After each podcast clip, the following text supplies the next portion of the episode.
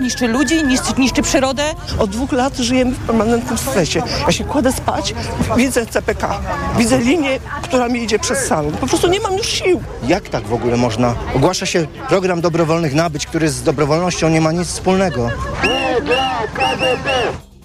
Budowa kolei dużych prędkości jest jednym z elementów programu inwestycyjnego Centralnego Portu Komunikacyjnego. Odcinek ma połączyć Katowice z Ostrawą. Słuchasz informacji TOK FM. Jutro w całym kraju obchodzony będzie Dzień bez samochodu. W wielu polskich miastach komunikacja będzie tego dnia darmowa. W niektórych dla wszystkich, a w innych za okazaniem dowodu rejestracyjnego samochodu. Z bezpłatnych przejazdów zrezygnował Olsztyn. Dzień bez samochodu to międzynarodowa kampania, której celem jest promocja proekologicznych rozwiązań i zmniejszenie zanieczyszczenia powietrza w miastach.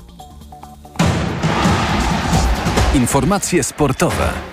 Szymon Kępka, zapraszam. Aż pięć bramek przy Łazienkowskiej to w starciu Legii z Aston Villą. Legia sensacyjnie prowadzi z drużyną z Birmingham. Prowadzenie Legii dał Ernest Muci. To jego druga bramka, teraz 60 minuta spotkania i 3 do 2 dla Legii. Przypomnijmy, Legia w fazie grupowej Ligi Konferencji zagra jeszcze z holender holenderskim AZ Alkmaar i bośniackim zrnińskim Mostarem.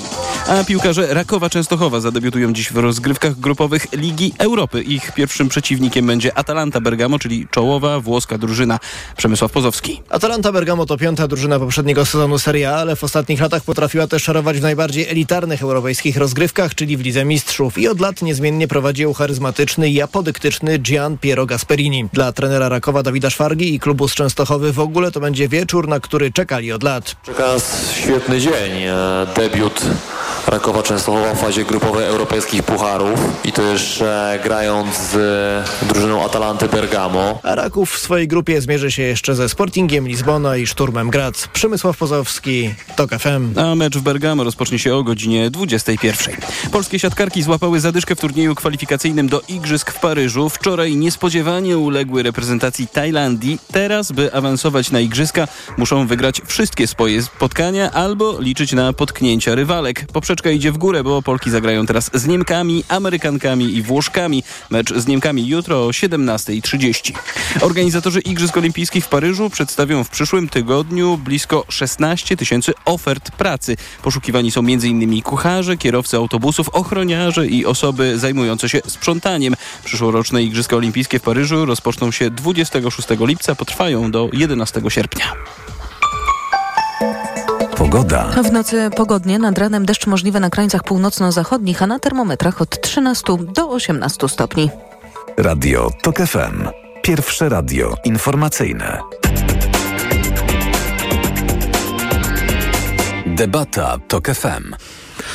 Dobry wieczór, Maciej Zakrocki. Zapraszam na kolejną debatę TOK FM, podczas których to debat zaproszeni przedstawiciele komitetów wyborczych z zarejestrowaną ogólnokrajową listą przedstawiają swoje poglądy, opinie, pomysły na Polskę. Dzisiaj mam przyjemność poprowadzić debatę o miejscu Polski w Unii Europejskiej, o silnej Polsce w silnej Europie, że nawiążę do hasła z okresu, kiedy to w referendum zdecydowana większość rodaków opowiedziała się za członkostwem naszego kraju w europejskiej wspólnocie. Zaproszenie do debaty przyjęli pani Agnieszka Pomaska, kandydatka Koalicji Obywatelskiej do Sejmu w okręgu numer 25 Gdańsk. Pani Anna Radwan, Rerenszew, kandydatka trzeciej drogi do Sejmu w okręgu numer 19 Warszawa. Dzień dobry. E, Pani Wanda Nowicka, kandydatka Nowej Lewicy do Sejmu w okręgu numer 29 Bytom Zabrzegliwice. I Tarnowskie Góry. Dobry wieczór Państwu. Tarnowskie Góry, dobry wieczór. Pani Anna Bryłka, kandydatka Konfederacji do Sejmu w okręgu numer 37 Konin. Dobry wieczór Państwu. E, I pan Dariusz Kacprzak, kandydat bezpartyjnych samorządowców do Sejmu w okręgu numer 20 Warszawa. Dobry wieczór Państwu.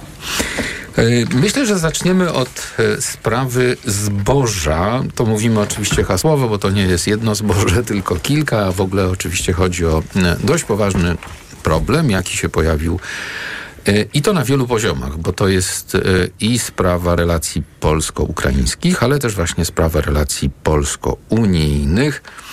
Mam tutaj na myśli głównie decyzję polskiego rządu z minionego tygodnia o jednostronnym embargu, które zostało wprowadzone, co jest naruszeniem unijnego prawa. No i wreszcie z tego oczywiście konfliktu pączkują kolejne, e, które pewnie też się pojawią w naszej rozmowie, jak chociażby głośna dzisiaj sprawa wstrzymania dostaw broni do Ukrainy, a może tylko nowoczesnej broni.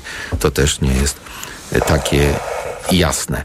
E, Jak, e, i tu pierwsze pytanie może do pani Agnieszki Pomaskiej, jak Koalicja Obywatelska wyobraża sobie możliwość dalszego pomagania Ukrainie, jednocześnie wspierania polskich rolników, jednocześnie nie wchodzenie w konflikt z unijnym prawem e, i z innymi partnerami we wspólnocie?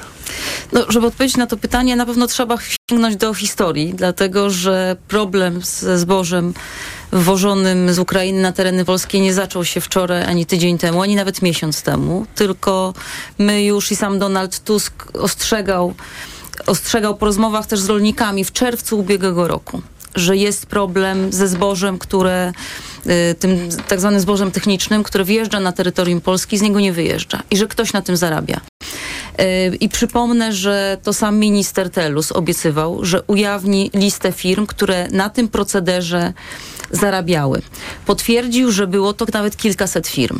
No i co się stało? Do dzisiaj nie znamy listy firm. Być może dlatego, że te firmy są w jakiejś mierze powiązane z partią rządzącą. Do dzisiaj nie znamy firm, które zarabiały na nielegalnym procederze wwożenia e, tego i handlowania tym e, zbożem e, w Polsce. I taka jest historia. No właśnie. Drugi wątek jest jest taki. teraźniejszość? Teraźniejszość jak jest. pani wyobraża sobie załatwienie Z- tej sprawy? Z, z, drugiej strony mamy kompletny brak dialogu. Zarówno ze stroną ukraińską, jak i z, z, ze strukturami europejskimi, naszymi partnerami w, w Unii Europejskiej. No nie jest tajemnicą, że i to nie jest historia najnowsza, tylko ostatnich ośmiu lat, że y, mamy do czynienia w polskim rządzie z dyplomatołkami, takiej najwyższej, najwyższej wagi, najwyższej klasy. Y, Niestety polityka europejska, polityka zagraniczna jest postrzegana przez Jarosława Kaczyńskiego przez pryzmat polityki wewnętrznej. Znaczy polityka wewnętrzna zawsze dyktowała to, co się ma dziać e, w kwestiach polityki europejskiej i zagranicznej. I mamy kampanię wyborczą i po prostu partia rządząca próbuje się ratować. Więc co należy zrobić? Wrócić, wrócić na ścieżkę dyplomacji z partnerami europejskimi, ale także z partnerami ukraińskimi. No bo przecież wtedy, kiedy premierowi Morawieckiemu opłacało się mówić, że my jesteśmy głównym partnerem Ukrainy, jeśli chodzi o dostarczanie broni, jeśli chodzi o wsparcie y, i przyjmowanie uchodźców, to to robił. Zobaczył, że być może kapitał polityczny można zbić gdzie indziej i dzisiaj nagle zaczyna grać na tej ukraińskiej nucie. I pewnie jeszcze wrócimy do tej dyskusji, ale to jest podważenie naszej, y, naszej obecności w ogóle siły Unii Europejskiej i, y, i NATO. Dwóch największych, najważniejszych gwarantów polskiego bezpieczeństwa i podważanie tych naszych y, y, relacji z Unią Europejską, jednocześnie z Ukrainą sprawia, że, że to osłabia się całą strukturę. I ja mam wrażenie, że premier po prostu sobie nie zdaje sprawy z, kró- z krótkowzroczności tej, y, takiego zachowania i takiej sytuacji. To jest bardzo, bardzo niemądre, bardzo nieodpowiedzialne i przede wszystkim szkodliwe dla interesów, y, dla interesów Polski. Oczywiście nie jest moją rolą ograniczać Państwa wypowiedzi, natomiast chcę tylko powiedzieć i mm, słuchaczom, mm, że nie mamy dzisiaj w studiu przedstawiciela Prawa i Sprawiedliwości. Nie przyjął nikt e, zaproszenia od nas. Szkoda, no bo właśnie e, łatwo się domyślić, że sporo tych pytań, wątpliwości, zastrzeżeń, krytyki pojawi się pod adresem obozu władzy. No ale co robić? E, staraliśmy się bardzo, e, to zaproszenie nie zostało dzisiaj e, przyjęte. E, Pani Anna Radwan, e, w- jaka jest sytuacja, że nie jest dobra? Wiemy, jak można by ją rozwiązać? Ta sytuacja z, ze zbożem to jest, e, można powiedzieć, to, to nie jest zaskakująca sytuacja, jeżeli chodzi o naszą politykę europejską i w ogóle politykę międzynarodową. Tego można było się spodziewać. E, Nie od dziś wiemy, że w Prawie i Sprawiedliwości nie ma zrozumienia dla mechanizmów działających na, e, na arenie Unii Europejskiej.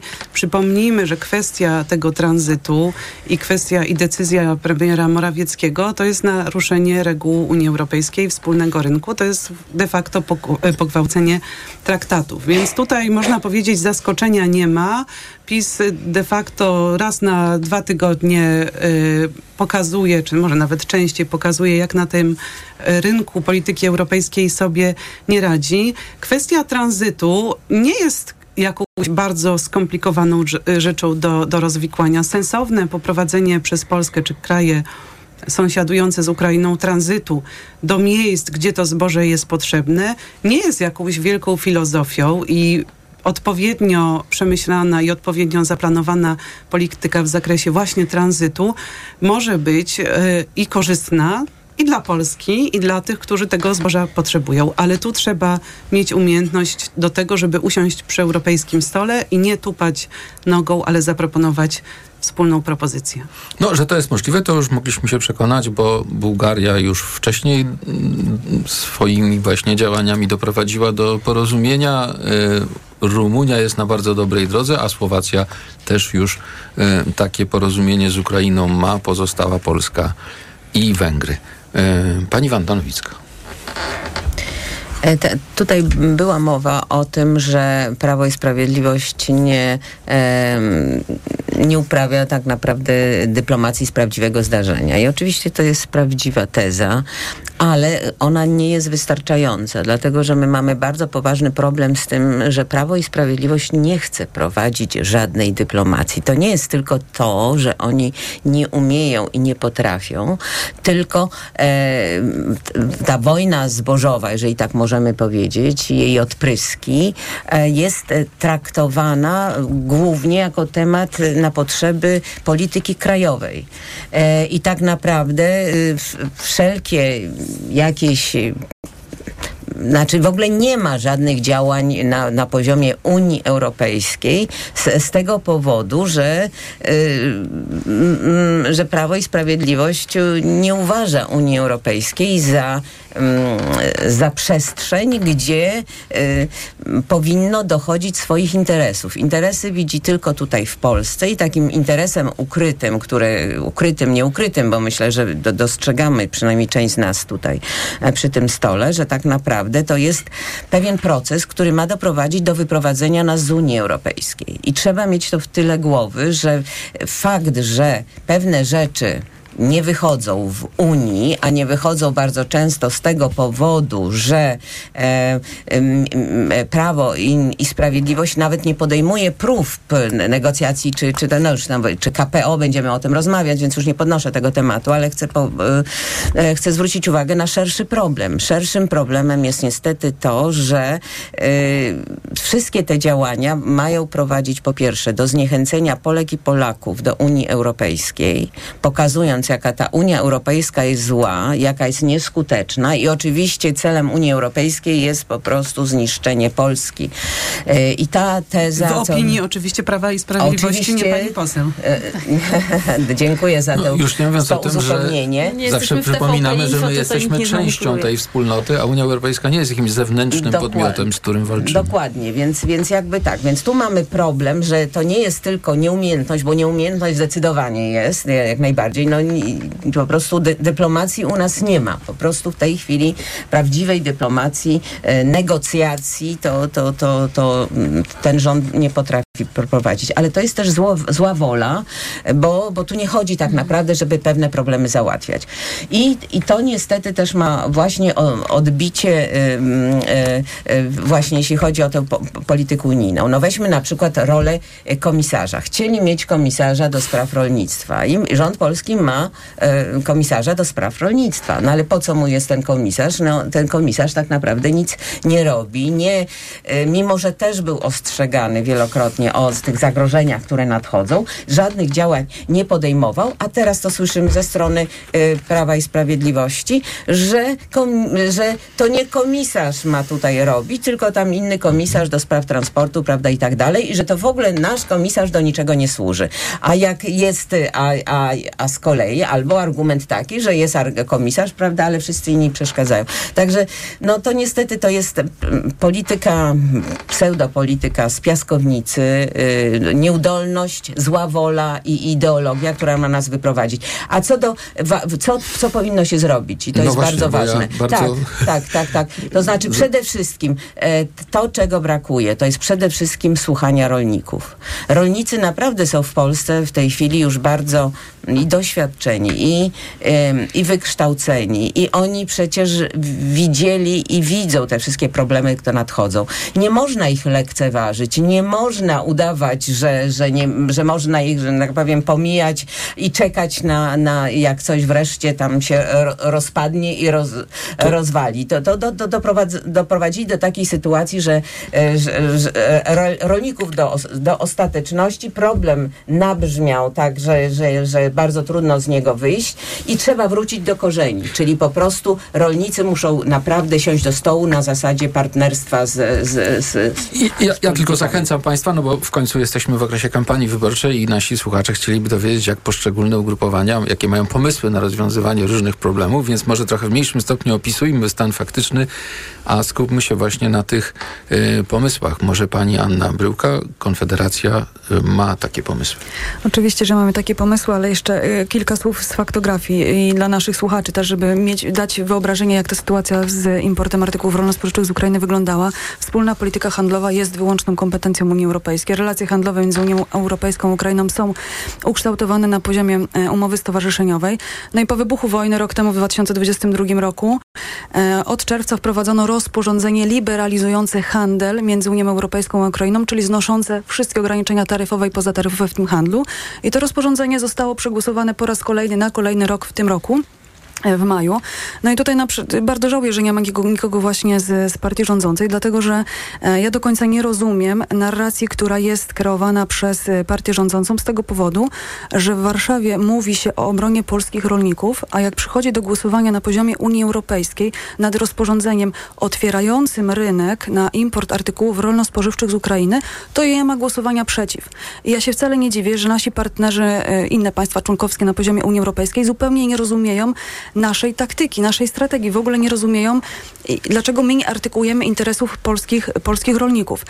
I ten import artykułów rolno-spożywczych e, to jest przede wszystkim nieuczciwa konkurencja ze strony ukraińskiej, dlatego że ukraińskie artykuły rolno-spożywcze nie muszą spełniać takich samych norm, jak, jakie muszą być spełniane e, przez rolników w Unii Europejskiej, gdzie e, produkcja żywności na każdym etapie jest e, bardzo szczegółowo kontrolowana, gdzie są niedopuszczone konkretne pestycydy. Jakie jest nasze rozwiązanie? My mamy to wyraźnie zapisane, że zatrzymanie nieuczciwej konkurencji ze strony importu artykułów rolno-spożywczych z Ukrainy, bo my się koncentrujemy tylko na zbożu. Natomiast ja przypomnę, że to embargo, które obowiązywało do 15 września, ono obowiązywało na pszenicę, na kukurydzę, ale także na rzepak, nasiona słonecznika.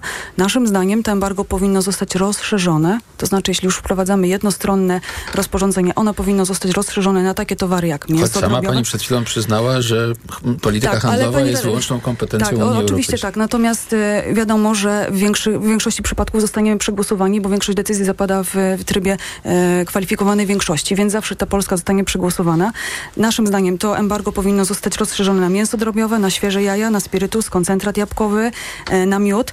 Jest faktem, że w Unii Europejskiej po prostu są rozbieżne interesy wobec tego. To znaczy nam ten import szkodzi, ale Hiszpanii jest, dla Hiszpanów jest bardzo korzystny. To Hiszpania jest największym eksporterem mięsa wieprzowego i to oni zależy im na tym, żeby importować e, ziarno, ziarno z Ukrainy.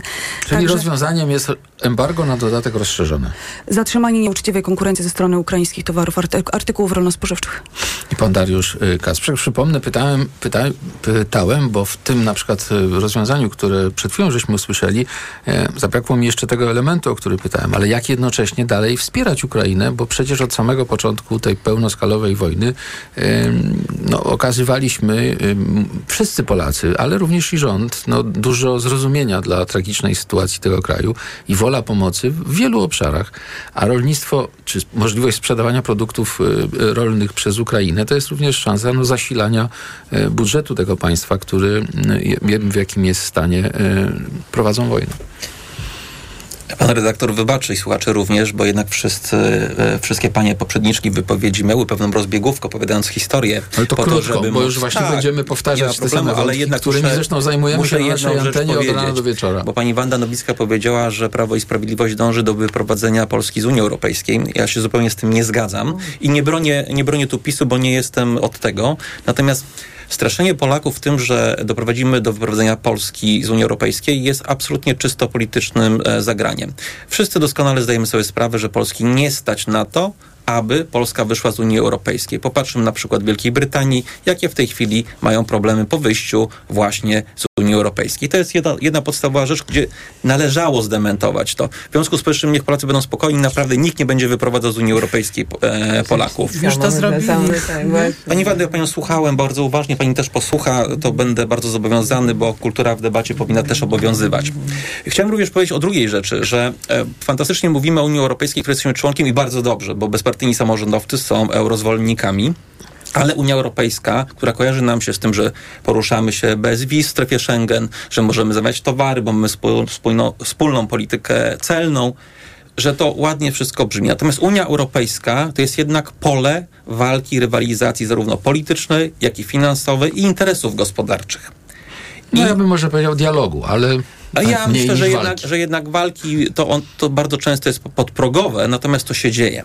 E, Problem polega na tym, że Polska faktycznie źle uprawia politykę i dyplomację na arenie Unii Europejskiej, dlatego że nie potrafimy co do swoich tez i naszych potrzeb, e, zarówno gospodarczych, jak i politycznych, budować sojuszy w taki sposób, żeby one były trwałe, bo jak widzimy nawet kraje Przymorza, z którymi w pewien sposób e, Polska się umawia na pewne działania, później natychmiastowo opuszczają e, te wszystkie elementy, które uzgodnili. No i Ale... rozumiem, że to jest między innymi ten przypadek, który tak, mamy dokładnie teraz. tak, to jest ten przypadek, o którym właśnie nawet właśnie i ta grupa państw, o czym tak. wspomniałem, topnieje. I, i bezpartyjni która... samorządowcy uważają, że należy nadal pomagać Ukrainie, ale jednak dbać o interesy polskich rolników. Ja przypomnę tylko, że od półtora miliona do milion sześćset tysięcy gospodarstw rolnych mamy w Polsce, gdzie ponad 70% deklaruje, że żyje ze sprzedaży zboża. Dlatego I to zboże jest problemem. jest jak? Przez embargo? Nie, nie przez embargo.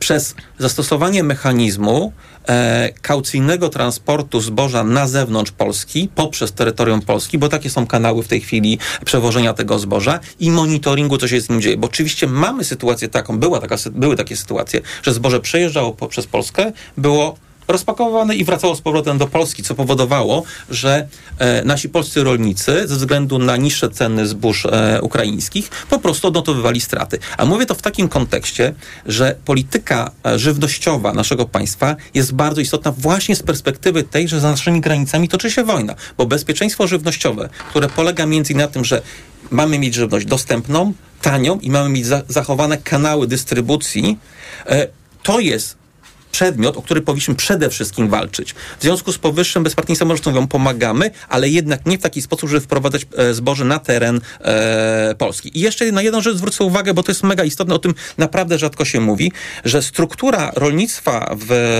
na Ukrainie jest taka, że tam są agrofirmy, są agrooligarchowie, agroholdingi. W związku z powyższym 70% tak naprawdę uprawy zbóż e, należy do kilkuset przedsiębiorców, tych gigantycznych, którzy na tym czerpią dochody, tylko 27% to jest uprawa prywatna i z tego jeszcze w dodatku takie państwa jak Dania, Holandia i Niemcy, ale również i Polska mają udziały dosyć duże właśnie w tych przedsiębiorstwach i czerpią z tego korzyści. Czy y, widzą Państwo, poza tym, co do tej pory zostało powiedziane, jakąś możliwość, y, no jeszcze przed wyborami, załagodzenia jednak tego napięcia y, między Polską a Ukrainą, bo niezależnie od tych wszystkich spraw związanych bezpośrednio z rynkiem rolnym, z produkcją zboża i tak dalej, y, no doszło do czegoś, co świat zaczęło niepokoić bo jeszcze niedawno polscy rządzący no, jeździli, można powiedzieć, czy apelowali do stolic wielu państw o pomoc dla Ukrainy, o militarną pomoc dla Ukrainy, no a dzisiaj słyszymy, że nawet ta pomoc militarna z Polski może zostać y, wstrzymana. No i wszyscy kojarzymy to po prostu z tym rosnącym napięciem politycznym, z wypowiedziami pana prezydenta Żeleńskiego na forum ONZ-u, reakcją polskich władz, premiera, prezydenta i tak dalej. E, czy to zboże, znowuż mówimy symbolicznie, to jest coś, co y, staje się takim punktem zwrotnym w relacjach polsko-ukraińskich na szczeblu politycznym? Y, czy można tego zwrotu jeszcze jakoś uniknąć? Czy powinno się go uniknąć, pani Pomask? No ja dzisiaj Koalicja Obywatelska. Słyszałam wicepremier Ukrainy, która liczy na dialog w tej sprawie. To znaczy, że tego dialogu zabrakło jeśli nie ma dialogu, to trudno w jakiej sprawie się dogadać. No oczywiście, y, że to się powinno odbywać na poziomie dyplomatycznym, bo jeśli y, nasi partnerzy ukraińscy dowiadują się z publicznego wystąpienia od, y, od prezydenta Dudy czy od premiera Morawieckiego, że nie będzie broni albo, albo koniec z tą współpracą, czy ta współpraca ma być ograniczana, no to coś jest nie tak, nie tędy droga. Znaczy to są, to są y, zachowania, które można stosować wobec y, jakichś największych wrogów. Y, My możemy tego typu brak zachowań dyplomatycznych uprawiać w stosunku do tych, z którymi nie utrzymujemy stosunków dyplomatycznych, a, a nie wobec naszych partnerów, gdzie toczy się wojna. To jest po prostu nie do zaakceptowania, ale mam też poczucie, że, że tutaj chyba jednak no, prezydent zaczyna tłumaczyć premiera, że, że oni się w tym wszystkim pogubili, bo y, no, no, po prostu nałykali się kampanii wyborczej i tylko przez ten pryzmat patrzą na, y, na nasze relacje z, z Ukrainą i naszą pozycję w Unii Europejskiej. To jest bardzo, bardzo groźne i niebezpieczne. To bardzo krótko, bo tu potraktujmy jako taką dogrywkę zamykającą ten temat, bo przecież mamy jeszcze wiele innych. E, Pani Anna Ja Radwan, myślę, że przede wszystkim to jest kwestia naszej racji stanu i musimy pamiętać o tym, że my nie, że pomagamy Ukrainie nie dla wdzięczności, tylko też dla swojego bezpieczeństwa. I, y, I kwestia, która też była po, poruszana y, na forum ONZ-u przez prezydenta Zeleńskiego, tak, że gramy w ręce Putina, no przyznam, była szokująca. Też musimy pamiętać o tym, że to jest element polityki wewnętrznej y, Ukrainy i y, to, że politycy ukraińscy nie zawsze zachowują się w sposób odpowiedzialny i przewidywalny, nie powoduje, że rząd polski powinien też y, w tego typu grę iść. Powinniśmy próbować łagodzić to napięcie? Pani Wanda Przede Nowicka, wszystkim- Lewica, Nowa Lewica? Przede wszystkim nie powinniśmy w ogóle doprowadzać do tego napięcia. I to po, po raz kolejny widzimy, jak e, nie istnieje prawdziwa dyplomacja w wykonaniu przedstawicieli e, w, e, władz polskich.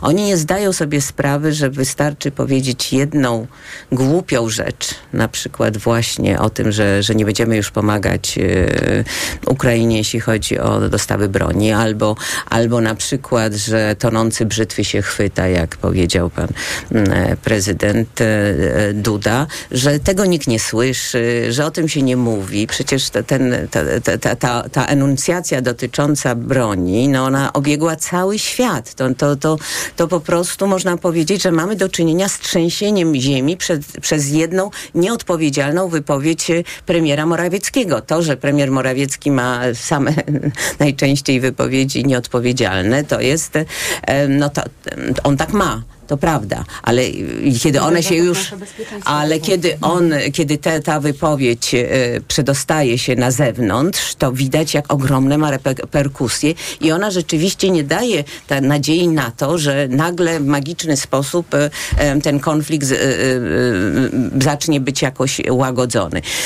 I, I niestety właśnie w taki sposób rząd polski też mo- mo- może prowadzić jednak do wyprowadzenia Polski z Unii Europejskiej, bo czasem nawet nie wystarczy, niepotrzebna jest intencja.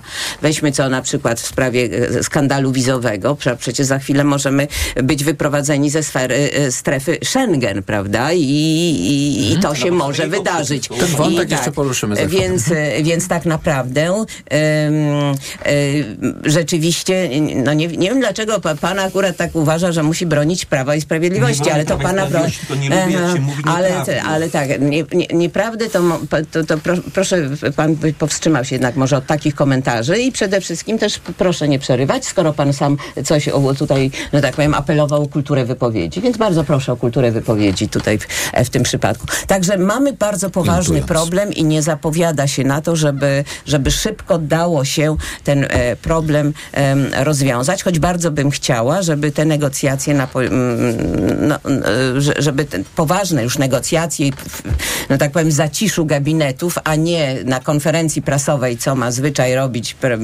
e, rządząca partia, tylko żeby, żeby rzeczywiście e, była wola do tego, żeby ten problem rozwiązać po obu stronach zresztą. No właśnie. Y, przez miesiące powtarzano i również rządzący powtarzali, że Ukraina w tej wojnie walczy także za naszą wolność.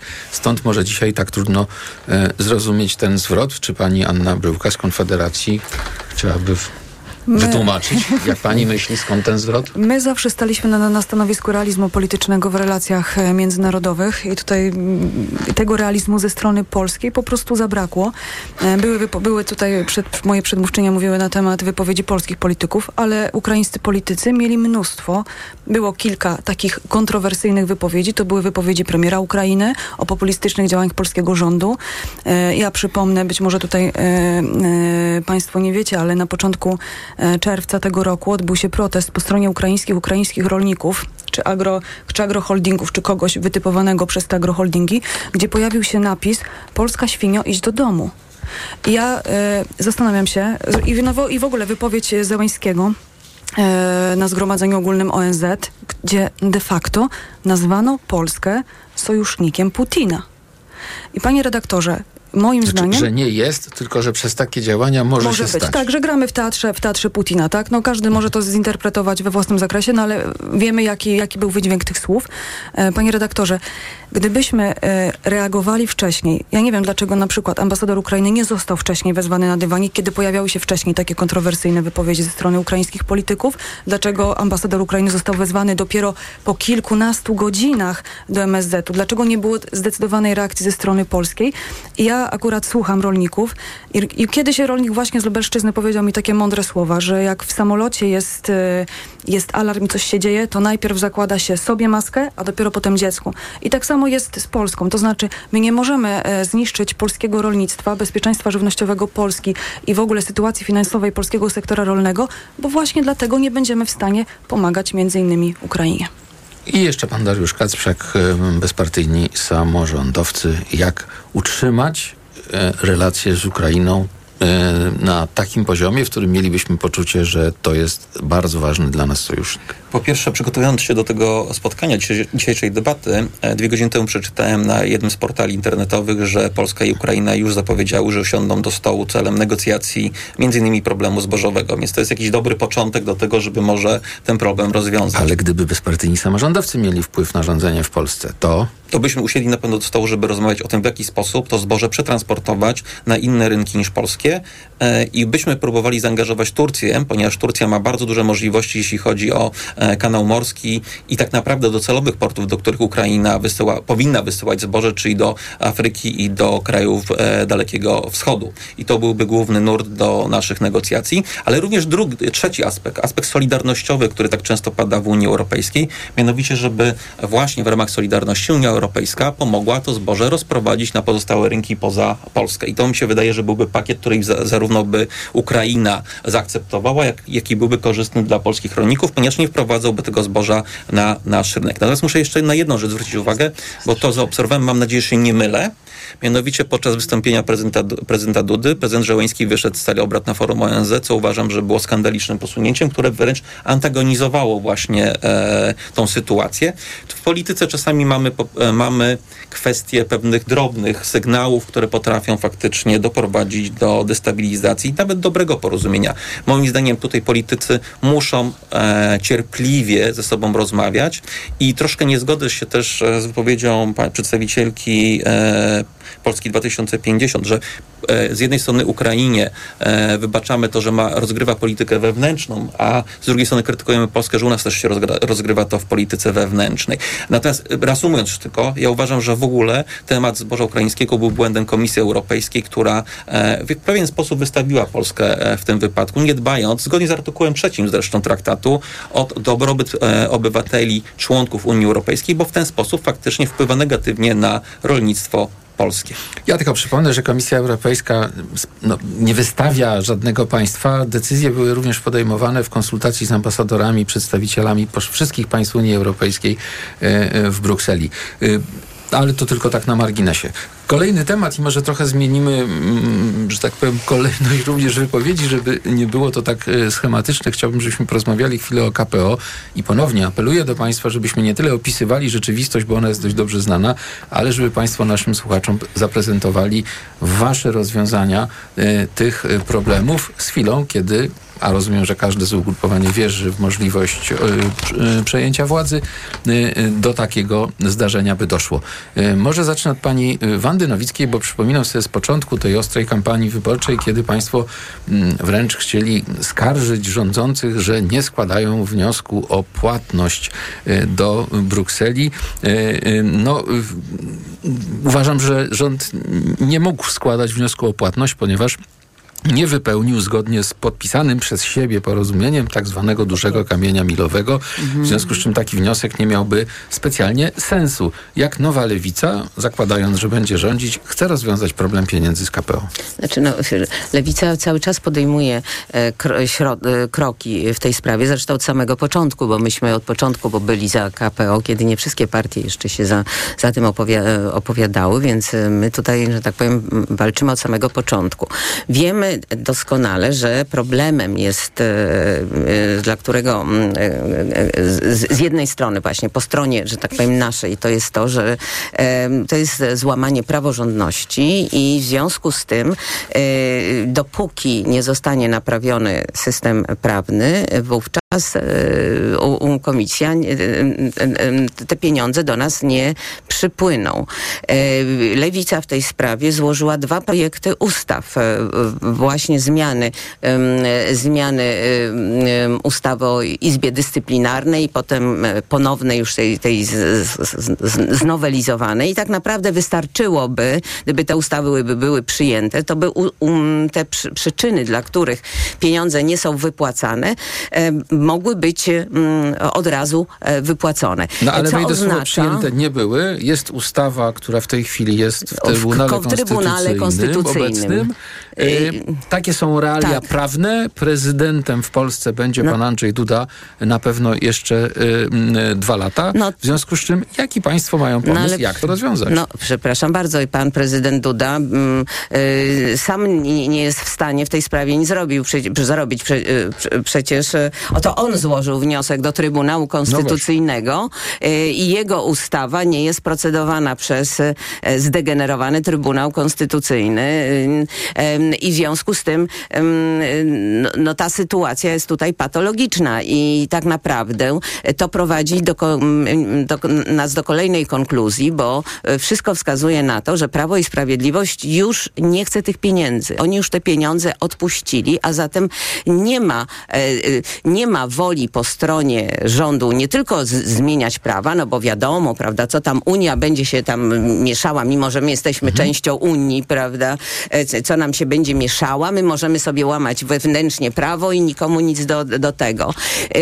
Mm, t- Także tutaj mamy z tym bardzo e, poważny e, problem, żeby, e, mm, że- mm, Prawo i, i- no, znaczy zarządów Prawa i Sprawiedliwości tych pieniędzy nie będzie, bo oni już odpuścili i, ja, i prawdopodobnie również Kaczyński stoi za tym, że, że, że Trybunał tymi, ty, nie zajmuje się tą, tą sprawą, bo w tym, a oni po prostu uznali, że te, tych pieniędzy my nie potrzebujemy, będziemy realizować prog- programy sami, tylko będziemy realizować programy naszymi pieniędzmi, które można by wydać na coś innego, gdybyśmy dostali Jasne. pieniądze na KPO. Czyli jak widzimy, sytuacja e, jest sytuacja mocno patowa, mocno patowa, jednak- ale jak, jak opozycja, mam nadzieję, wygra, to, y, to, to myślę, że właśnie wiele z tych przyczyn, o których teraz mówiłam, e, ustąpi i dzięki temu będzie można sz- szybko te e, pieniądze e, pozyskać, bo na to czekają wszyscy i samorządy. Ja tylko wiemy. wspomnę, że w Gliwicach czy na szpital e, miejski numer 4 czeka jak na zbawienie na to pieniądze, No, na te ale- pieniądze, żeby, żeby móc ten, ten szpital z, zreformować. Ale mamy takie, a nie inne realia polityczne i takie będą również po 15 października, nawet jeśli doszłoby do zwycięstwa opozycji. Opozycja obiecuje te pieniądze, ale jak je załatwi? Pani Anna Radwan, Żerenszew, kandydatka trzeciej drogi. Rzeczywiście sytuacja jest patowa. Yy, tak jak pan redaktor mówi, mamy prezydenta, jakiego mamy, mamy Trybunał Konstytucyjny, który jest pseudotrybunałem konstytucyjnym. E, I wydawałoby się, że są dwie potencjalne drogi. Jedna optymistyczna to jest dogadanie się w jakiś sposób z prezydentem, żeby pewne rzeczy odblokował i może żeby przejrzał przynajmniej w ostatnim swoim roku prezydentury na oczy i jako prawnik y, y, poszedł na współpracę na rzecz y, praworządności. No a druga Druga propozycja to jest potencjalna nowa ustawa yy, w związku z, z, ze zmianą organizacji sądów, co potencjalnie pozwoliłoby Komisji Europejskiej yy, wycofać te zastrzeżenia co do niedostatków rządów prawa. Więc, yy, ale jesteśmy w pacie, natomiast myślę, że tu języczkiem uwagi jest właśnie albo prezydent, albo przede wszystkim prezydent i nowa ustawa, która pozwoli nam z tego patu, bądź też pata? Patu? Pata? Czyli rozmowa z panem... Z tego y, wyjść. Rozumiem, że rozmowa z panem prezydentem jako je, jeden z głównych pomysłów, no bo rzeczywiście nawet nowa ustawa, którą być może państwo by chcieli zaproponować, y, też będzie wymagała podpisu pana prezydenta, no a on pod pod tą się podpisał, tylko że przesłał ją do Trybunału. E, czy pani Agnieszka Pomaska widzi rozwiązanie tej sytuacji? Bo rzeczywiście obiecujecie ludziom szybko pieniądze z KPO. Tak, bo my y, jesteśmy przekonani, że po prostu Polska powinna wrócić na ścieżkę praworządności. Tego nie robi polski rząd. Polski rząd nawet nie deklaruje na poziomie unijnym, że chce w Polsce przywrócić praworządność. Nie ma tego dialogu. Znaczy oni y, po prostu poszli zaparte i, i tutaj nie ma, nie ma żadnego postępu. Ja przypomnę, że jednym z problemów jest też y, i kwestia dyscyplinowania sędziów, a dyscyplinowanie sędziów bierze się stąd, że mamy upolityczniony KRS, ale z drugiej strony to, co się dzieje w prokuraturze, która jest dzisiaj w rękach polityków. Yy, I przecież pierwszą rzeczą, którą my zrobimy po wygraniu wyborów, to jest odpolitycznienie prokuratury. To też będzie bardzo, bardzo ważny, bardzo wyraźny sygnał dla na, na naszych europejskich partnerów, że w Polsce jest rząd, który yy, no, przywróci takie elementarne poczucie równości wobec prawa, bo dzisiaj tego, tej równości wobec prawa y, nie ma, jeśli chodzi o to, jak, jak dyscyplinowani są y, sędziowie, ale też nie ma, jeśli chodzi y, o zachowania prokuratorów, którzy są na, na szturku ministra Ziobry i polityków Prawa i Sprawiedliwości. I wysłanie takiego sygnału, moim zdaniem, będzie, będzie w pierwszej kolejności wystarczająco do tego, żeby zostały odblokowane środki z KPO. No, według mojej wiedzy pozwolę sobie tylko tyle powiedzieć. W Komisji Europejskiej po prostu czekają, aż ta ustawa, która właśnie leży w tym obecnym Trybunale Konstytucyjnym, no zakończy się, mówiąc krótko, proces legislacyjny, bo to tam między innymi zapisano rozwiązanie problemu dyscyplinowania Trybunał jest e, podporządkowany sędziów. woli prezesa PiS i to będzie to I dlatego wracam do pytania, hmm. tym razem do pani Anny Bryłki. Jak Konfederacja widzi możliwość e, odblokowania pieniędzy z KPO, gdyby państwo mieli wpływ na rządzenie w Polsce? E, panie redaktorze, Konfederacja była przeciwna ratyfikacji nowych zasobów własnych e, Unii Europejskiej. E, ja przypomnę, że cały KPO jest finansowane z Funduszu Odbudowy i zgodnie z decyzją Komisji Europejskiej z grudnia 2020 roku utworzono nowe zasoby własne Unii Europejskiej, żeby sfinansować cały Fundusz Odbudowy. Ja nadmienię, że te źródła, nowe zasoby własne Unii Europejskiej to jest wspólny unijny dług i unijne, federalne podatki. I kiedy odbywał się w maju 2021 roku proces ratyfikacji nowych zasobów własnych, e, niestety nie odbyła się żadna rzetelna debata na ten temat. E, my apelowaliśmy o to, żeby nie głosować tej ratyfikacji zwykłą większością, a kwalifikowaną większością. Dlaczego? E, dlatego, że wyraźnie w decyzji zapisano, że spłata tego wspólnego długu ma się odbyć do 2058 roku. To nie jest perspektywa dekady, dwóch, to jest perspektywa przynajmniej trzech dekad. Druga rzecz, wspólne... No ja wiem, ale pani znów nie, opowiada historię, natomiast to wszystko ale, wiemy. Pani, natomiast chodzi o to... Nie sądzę, nie sądzę.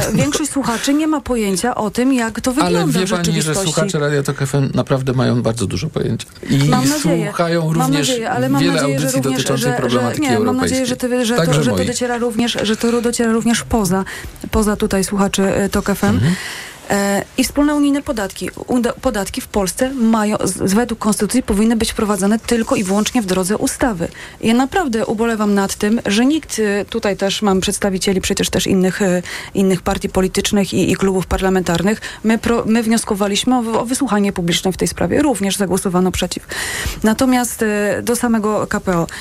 Kamienie milowe. Pan redaktor powiedział o jednym dużym kamieniu milowym, który musi być zostać zrealizowany do wypłaty. No tylko, że kamieni milowych jest dużo więcej i sądzę, że Polacy również nie mają świadomości, jakie trzeba te mniejsze kamienie milowe zrealizować, żeby kolejne transze środków e, z KPO wpływały do polskiego budżetu. Ale to jest kolejny krok. Kolejny Mniejsze to są mniejsze. Kamienie redaktorze, milowe może być na przykład to są- zbudowanie ileś stacji do ładowania samochodów elektrycznych. Panie to nie, ma a związku. to są podatki. To są kolejne podatki, które nakłada się Polaku, na Polaków od 2024 roku. Opłata rejestracyjna od, od, od rejestracji auta spalinowego. Od 2026 roku opłata od posiadania auta spalinowego.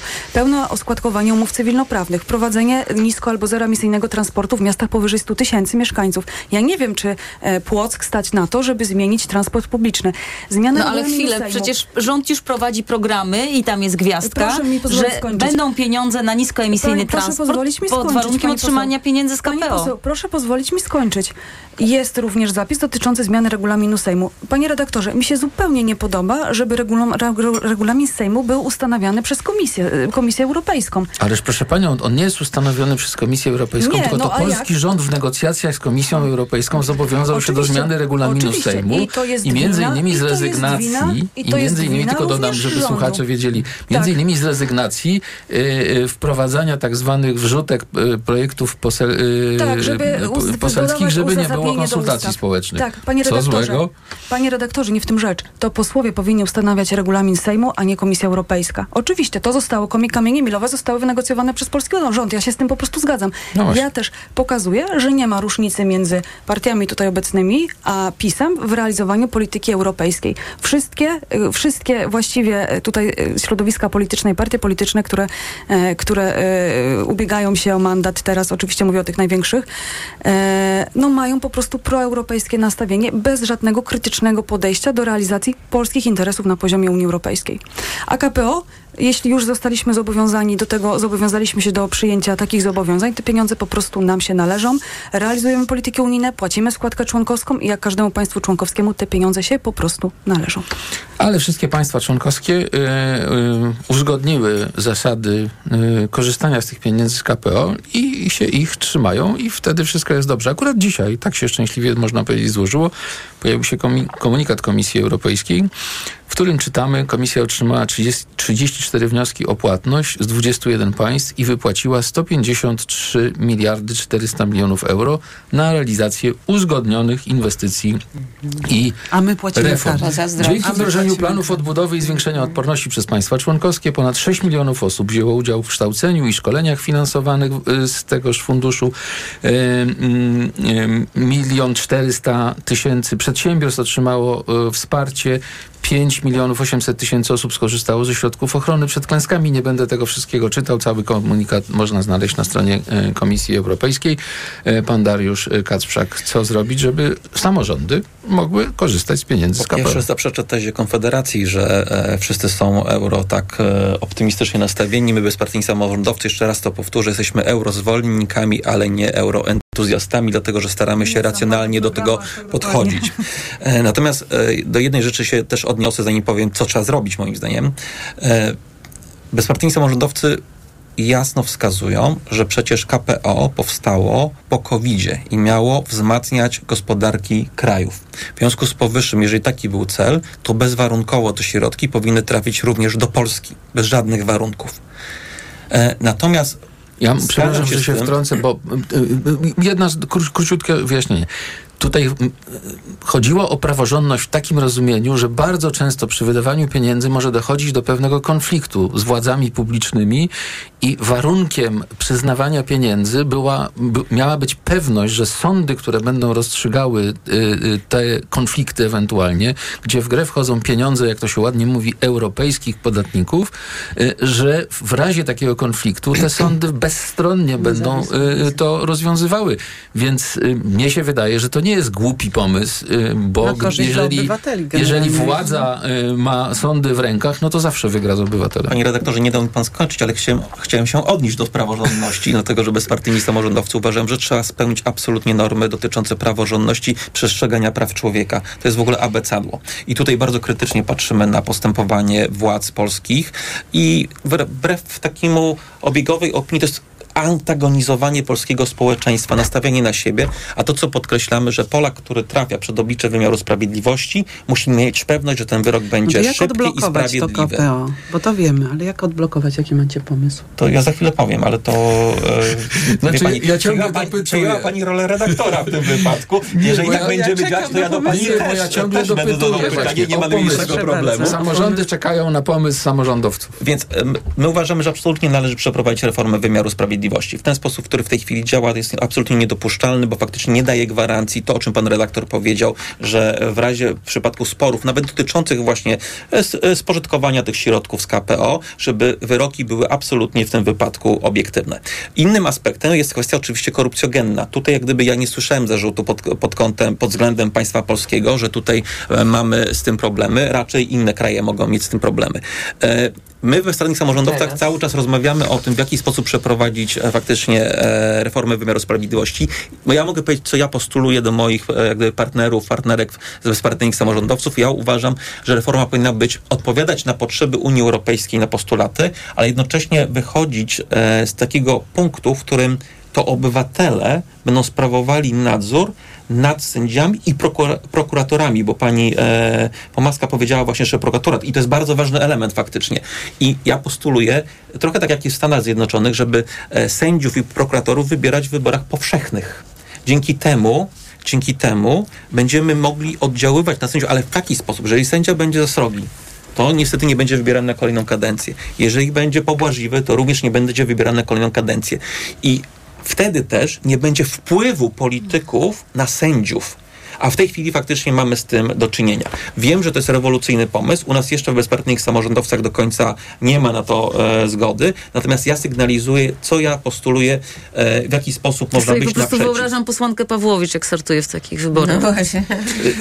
Pani I poseł, ja sobie nie wyobrażam, bo Ja powiem, że, wyobrażam, że ma mam bardzo też krytyczne zdanie na temat e, funkcjonowania posłanki Pawłowicz, a tak naprawdę w tej chwili członka Trybunału Konstytucyjnego i w tym aspekcie podejrzewam, że tu że jesteśmy wszyscy wygrać. zgodni. Ja tylko przy, przypomnę, że tu nie chodzi o to, żebyśmy przeprowadzili y, naprawę wymiaru y, sprawiedliwości, że, tak jak oczekuje tego Unia Europejska. Jeszcze raz powtórzę, to jest nasza organizacja. Tylko w ogóle praworządność powinna być. Y, Dodam Znaczy my jeszcze... sami zaproponowaliśmy, jak ma wyglądać ta reforma. Na tym polega problem, że pro, premier zgodził się na konkretne warunki, na te wszystkie kamiele, kamienie milowe, zgodził się premier Morawiecki i polski rząd. Yy, i, I na tym się skończyło, tak? To, to jest bardzo ważne. A, a z drugiej strony, tylko zdanie. Ja dzisiaj byłam w Zgierzu. Tam jest takie nielegalne składowisko odpadów niebezpiecznych. Tam ludzie czekają na pieniądze z KPO, bo to zagraża ich bezpieczeństwu i zdrowiu i, i ich życiu. Y, rząd nawet przyjął spec ustawę, w której zapisał, że tego typu składowiska mogą być likwidowane e, przy współpracy z samorządami za pieniądze z KPO. Y, no i co i nic. Przyjmuje martwą ustawę, bo nie jest w stanie zdobyć tych, y, tych pieniędzy. Z drugiej strony to, co pani mówiła, że są jakieś tam wymagania, warunki kamienie milowe. No tak, ale te, te pieniądze z KPO są na, w dużej mierze na takie proinwestycyjne cele. Na przykład rząd ogłosił w maju y, 2 miliardy y, złotych na bezemisyjne autobusy i spłynęły wnioski z samorządów. I nie będzie tych bezemisyjnych y, y, autobusów, bo nie ma tych pieniędzy z KPO. Więc to nie jest tak, że to są pieniądze, które pójdą w błoto. Te pieniądze z KPO mogą być naprawdę świetnie wydane i one mogą y, rozwinąć A polską przy- gospodarkę, Przede a rząd to marnuje. No, rząd powinien słuchać ludzi w Wanda tej sprawie, e, czy ludzie chcą KPO i dlaczego akurat w tym No pseudoreferendum, to, chcą, które jest to no, no więc tak pr- Prawo i Sprawiedliwość słucha y, obywateli, obywatelek, y, że nie chce tych pieniędzy przyjąć, więc coś tu jest nie tak, Prawda coś tu jest jest taka, nie że w porządku, jesteśmy, że jesteśmy w coś trzeba tu i zmienić. po wygranych wyborach opozycji będziemy mieli naprawdę poważną, poważną No. y, rzecz do zrobienia, przede wszystkim przekonanie prezydenta i zastanowienie się nad nowymi ustawami, które to odblokują. Jeżeli nie będzie rządził PiS, to, to się zmieni No nie sytuacja będzie. polityczna. od ministra sprawiedliwości no bo to chyba wszyscy też popieramy, tak jak e, przynajmniej mi się No wydaje w waszych programach. tak, Tak, no, bo no, to, o tym to zapomnieliśmy mamy powiedzieć, że to jest dalej. istotny element, prawda, jednak doprowadzenia e, do pewnej, e, pewnej reformy wymiaru sprawiedliwości. Ja tylko mam nadzieję, że jednak e, i rządzący mają świadomość, że te pieniądze są potrzebne. Jak wiemy, niedawno został złożony wniosek nie. o zmianę naszego KPO, między innymi w taki sposób, że rząd początkowo mówił, że tylko część pieniędzy z tej puli pożyczkowej będzie chciał skorzystać, a ostatnio ogłosił, że będzie chciał skorzystać z całości. Mamy jeszcze półtorej minuty, więc żeby już nie zaczynać nowego wątku, to może jeszcze pani e, e, Anna Bryłka, króciutko. Tutaj jeszcze padło, że, e, że Polacy są zwolennikami pieniędzy z KPO. No ja uważam, że no warto byłoby przedstawić po prostu cały kontekst, kontekst sytuacyjny związany z ratyfikacją nowych zasobów własnych i tym, że pozatraktatowo Unia Europejska rozszerza swoje kompetencje, między innymi w zakresie fiskalnym, gdzie wyraźnie w traktatach mamy zapisane, co jest wyłączną kompetencją Unii Europejskiej, co jest kompetencją dzieloną, a co pozostaje w kompetencjach e, państwa e, członkowskiego. E, no i myślę, że tej świadomości po prostu, po prostu wśród polskich obywateli nie ma. Ale myślę, że polscy obywatele patrzą na to, że te środki pozyskane z KPO, a przypomnę, że to jest około 160 miliardów, e, trafią po prostu na rozwój I- Polski. I w związku z czym to ich interesuje, że trafią na, na pomoc ochronie zdrowia na przykład, prawda, na nowe technologie, na zielone, A zieloną energię. ja E, I te pieniądze miały być na odbudowę gospodarek po pandemii, tak? I mamy trzy lata po pandemii, polska gospodarka bez pieniędzy z KPO poradziła sobie, więc to nie jest No, tak, że jesteśmy one były... poniżej ja myślę, 1% że- PKB, jeśli chodzi o rozwój, bym tak to jest- e, może nie, innymi czynnikami. Szybciutko tylko tym, powiem, że gośćmi dzisiejszej debaty są pani Wanda Mhm. Nowicka, kandydatka Nowej Lewicy, y, y, okręg 29, Bytom, Zabrze, Gliwice i I Tarnowskie Góry oczywiście. pani Agnieszka Pomaska, kandydatka Koalicji Obywatelskiej, okręg 25, Gdańsk. Zgadza Pani- się. Pani Rad, y, Anna Radwan, y, Rerenszew, y, Trzecia Droga, Warszawa, okręg 19. Pani Anna Bryłka, Konfederacja, okręg 37, Konin. Pan Dariusz Kacprzak, bezpartyjni samorządowcy, okręg numer 20, Warszawa. A prowadzi Obważanek, nas, tak a prowadzi, a prowadzi nas Maciej. Informacje w TOK FM, po nich wracamy. Debata TOK FM. Radio TOK FM. Pierwsze radio informacyjne. Kłaniamy się nisko. Edyta Chrzanowska. Jacek Szanowski i Kamil Wrublewski. W najbliższą sobotę Edyta i Jacek, czyli duet Kim, będą gośćmi audycji Między Słowami w Radiu TOK FM. Porozmawiamy o Miłości relacjach. i życiu. Czyli o płycie opowieści. Do usłyszenia. Do usłyszenia.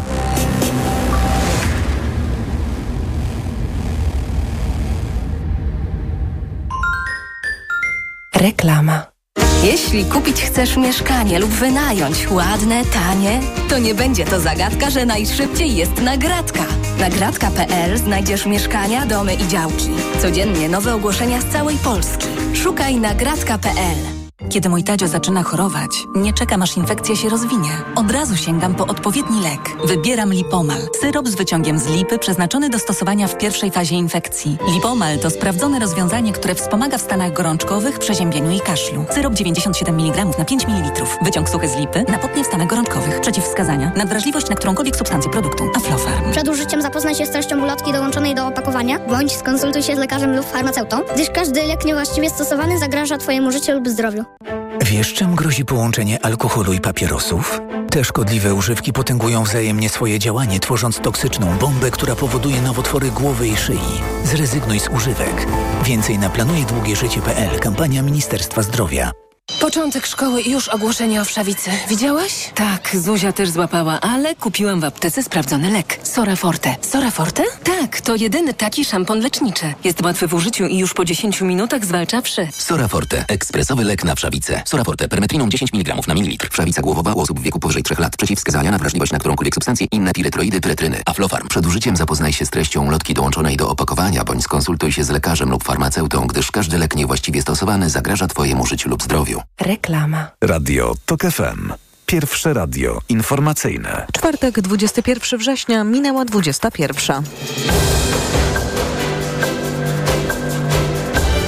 Informacje TOK FM. Anna Draganek-Weiss.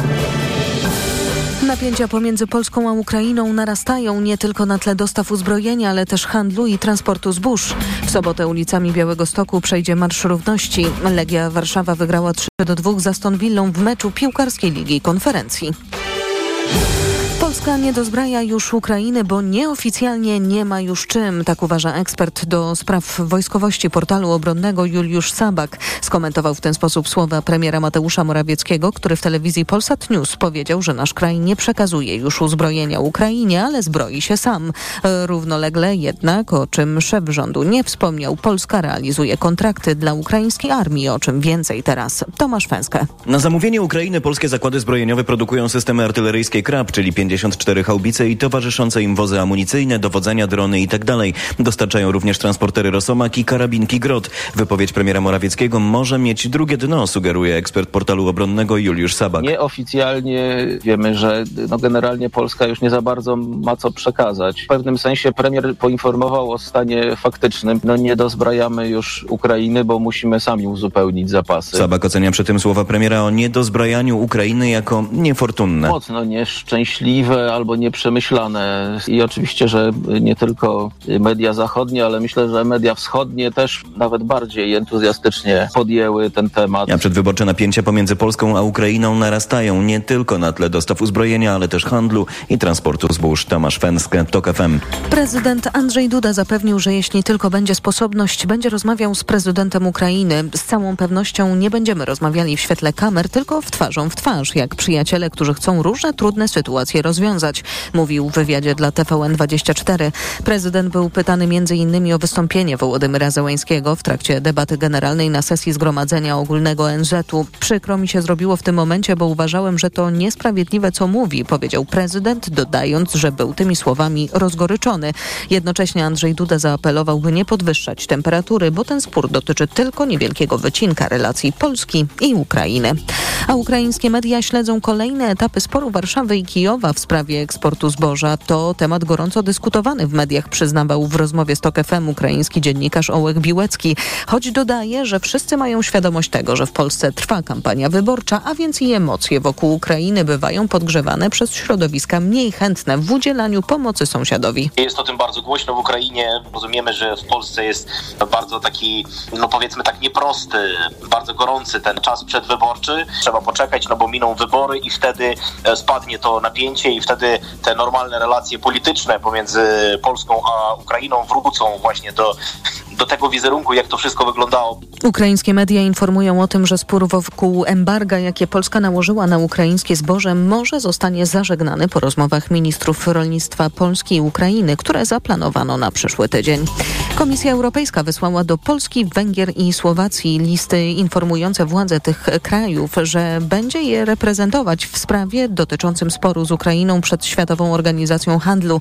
Skarga, o której władze w Kijowie poinformowały w poniedziałek, ma związek właśnie z przedłużeniem embarga na ukraińskie produkty rolne. Słuchasz informacji TOK FM. W sobotę ulicami Białego Stoku przejdzie trzeci w historii miasta Marsz Równości. To ma być okazja do dobrej wspólnej zabawy, ale też przypomnienie, że społeczność LGBT wciąż nie ma równych praw, mówią organizatorzy marszu Stowarzyszenie Tęczowy Biały Stok. O szczegółach już teraz Jakub Medek. Chcemy pokazać władzy, że się nas nie pozbędzie, że będziemy w tym kraju, cokolwiek by zrobiła, mówi Lex Homczyk z Tęczowego Białego Stoku. Zarazem jednak podkreśla pozytywny charakter imprezy. Chcemy po prostu pokazać ludziom, którzy na przykład siedzą w szafie, że może być inaczej, że możemy być razem, możemy się łączyć, możemy, zasługujemy na dobrą zabawę. Pierwszy w historii miasta Marsz Równości w 2018 roku próbowali bezskutecznie rozbić narodowcy. Blokowali go też radni PiSu. Organizatorzy tegorocznej imprezy liczą na to, że taka sytuacja już się nie powtórzy. Jak podkreśla Helena Świrydziuk, w Urzędzie Miasta zgłoszono tylko jedną kontrmanifestację. Omijamy ją bardzo szeroko, nie mamy z nią żadnej styczności. Oni mają swój marsz, że tak powiem, i my mamy swój. Sam marsz rozpocznie się w sobotę o 14.30 w Parku Jadwigi Dziekońskiej przy dworcu PKP. Omijająca centrum miasta trasa ma około 5 km.